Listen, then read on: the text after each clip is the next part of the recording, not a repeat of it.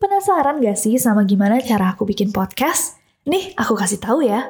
Aku pakai Anchor. Aku bisa ngerekam suara sekaligus ngedit suara. Ingat ya, A N C H O R. Bisa kamu download di Play Store dan App Store. Bisa juga di websitenya www.anchor.fm. Yuk wujudin impian kamu jadi podcaster dengan Anchor. Gratis. Kini Podcast Network. Hey guys, it's Nessie and welcome back to Neror. Salah satu tindak kriminal paling mengerikan adalah ketika seorang manusia merasa mereka berhak untuk mengambil nyawa manusia lainnya. Entah karena didasari dendam, kemarahan, ego, atau bahkan terkadang penyakit. Banyak motif dan latar belakang yang berbeda-beda. Hampir semuanya mencekam dan sangat mengejutkan. Apalagi ketika alasannya adalah hal-hal yang bisa dibilang sepele. Kasus-kasus itu tuh yang membuat kita semua tuh kayak jadi bertanya-tanya apakah hal sesimpel itu layak atau tidak dipermasalahkan sampai hilang satu nyawa gitu. Nah, materi Neror kali ini di request oleh Fania Silaban ke requestnasia.gmail.com dan bersama-sama kita akan membahas dan melihat-lihat tentang kasus-kasus pembunuhan tersadis yang dilakukan hanya karena hal-hal yang bisa dibilang sepele. So without any further ado, stop snooze-snoop, cause shit's about to go.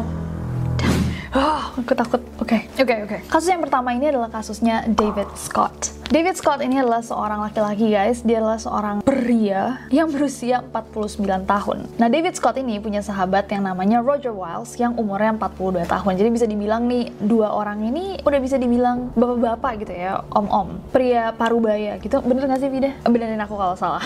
nah suatu hari guys, pada September tahun 2012 lalu, Roger datang ke rumah David main gitu sambil bawa sebungkus ciki. Jadi kayak a bag of Cheetos, sebungkus Cheetos gitu. Nah karena udah dibawain Ciki sama Roger, David nih bilang kayak, eh buka yuk Cikinya gitu, kita makan bareng. Akhirnya Roger buka Cheetosnya dan David ngambil makan gitu kan. Awalnya mereka sharing nih, tapi pas David minta Cikinya ke Roger, Roger tuh kayak, enggak, enggak, enggak, gitu kali ya.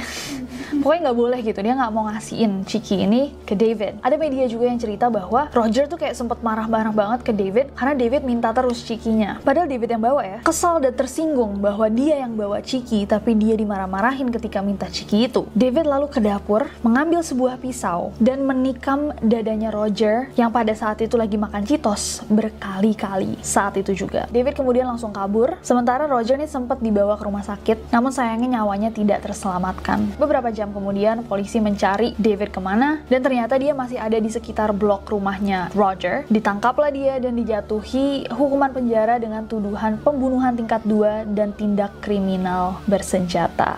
Gara-gara Cheetos. By the way, Cheetos katanya mau keluar ya dari Indonesia. Sedih banget. Jangan sampai Cheetos jadi langka sampai ini terjadi lagi ya. Serem banget. Gimana menurut kalian kasus yang satu ini? Next.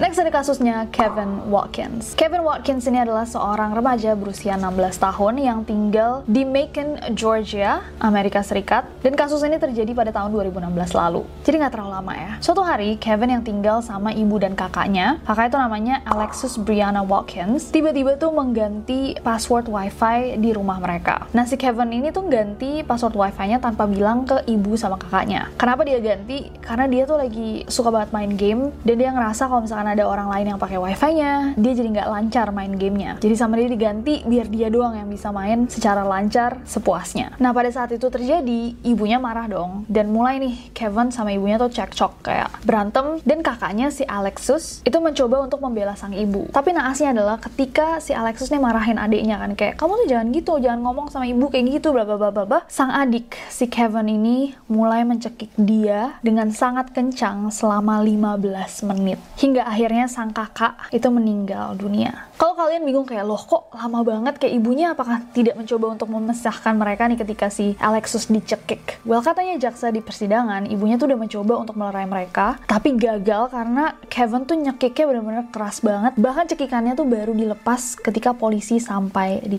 TKP. Ih, serem banget kayak orang kerasukan gitu berarti ya yang bener kayak ah gitu.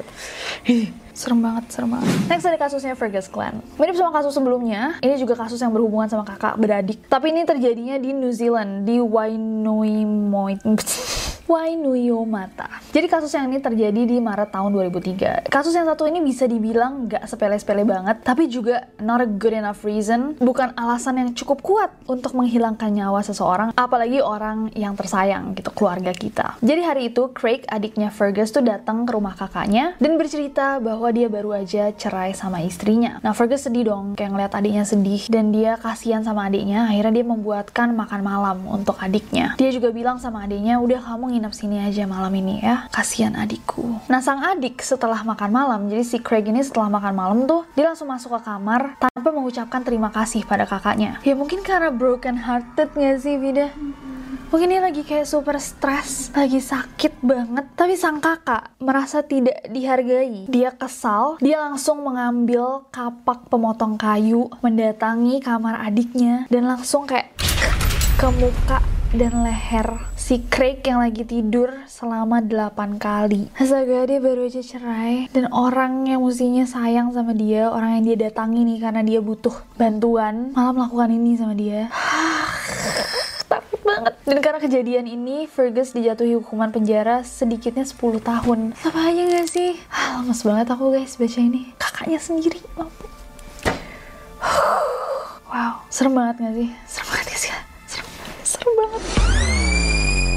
Oh iya guys, aku mau sharing kalau aku bikin podcast ini langsung pakai Anchor loh. Selain bisa diupload langsung ke Spotify, di Anchor ini juga bisa tambahin back sound, kasih sound effect. Pokoknya Anchor ini ngebantu banget deh buat kamu yang mau bikin podcast keren dengan cara yang super simple. Bahkan kita bisa gunain di smartphone, jadi di mana pun kapan pun kita bisa langsung rekam, edit, terus upload deh. Yuk download Anchor di Play Store dan App Store. It's totally fun and free. Next. Next ada kasusnya Curtis Reeves. So ini adalah kasus yang sempat booming banget di Florida, Amerika Serikat yang persidangannya sampai hari ini tuh masih belum selesai. Padahal ini semua terjadi pada 13 Januari tahun 2014. Ada seorang laki-laki bernama Chad Olson yang pergi ke bioskop bersama istrinya Nicole di Wesley Chapel untuk menonton film Lone Ranger. Di hari yang sama, seorang laki-laki bernama Curtis Reeves tuh pergi ke bioskop yang sama untuk menonton film yang sama. Nah selama film ini lagi diputar, Chad emang beberapa kali tuh kayak mainan HP sendiri dan Curtis yang merasa terganggu akhirnya menegur dia. Basically dia bilang kalau lo mau nonton bioskop taruh aja HP-nya. Kalau mau main HP di luar aja nggak usah nonton gitu.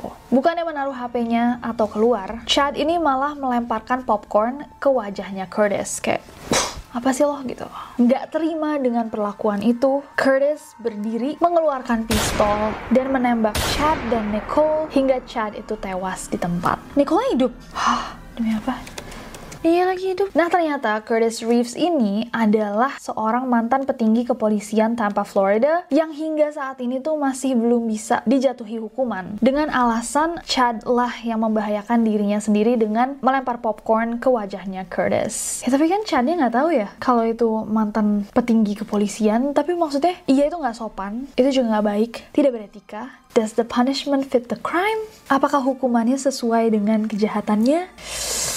Don't know. I don't think so. Next.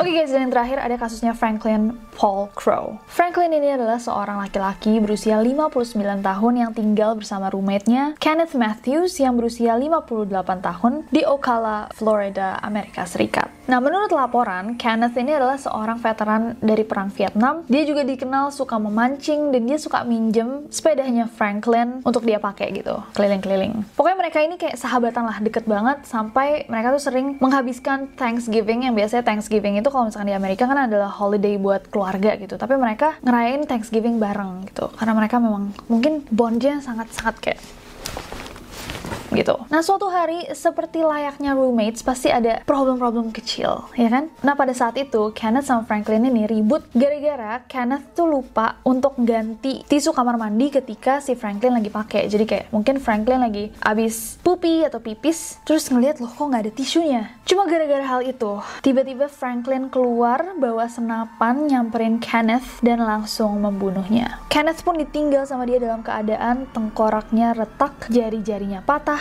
dan luka fatal di kepala dan wajahnya. Tubuhnya bahkan sampai tidak bisa dikenali dan hanya bisa diidentifikasi dari sidik jarinya yang sudah tercatat. Serem banget.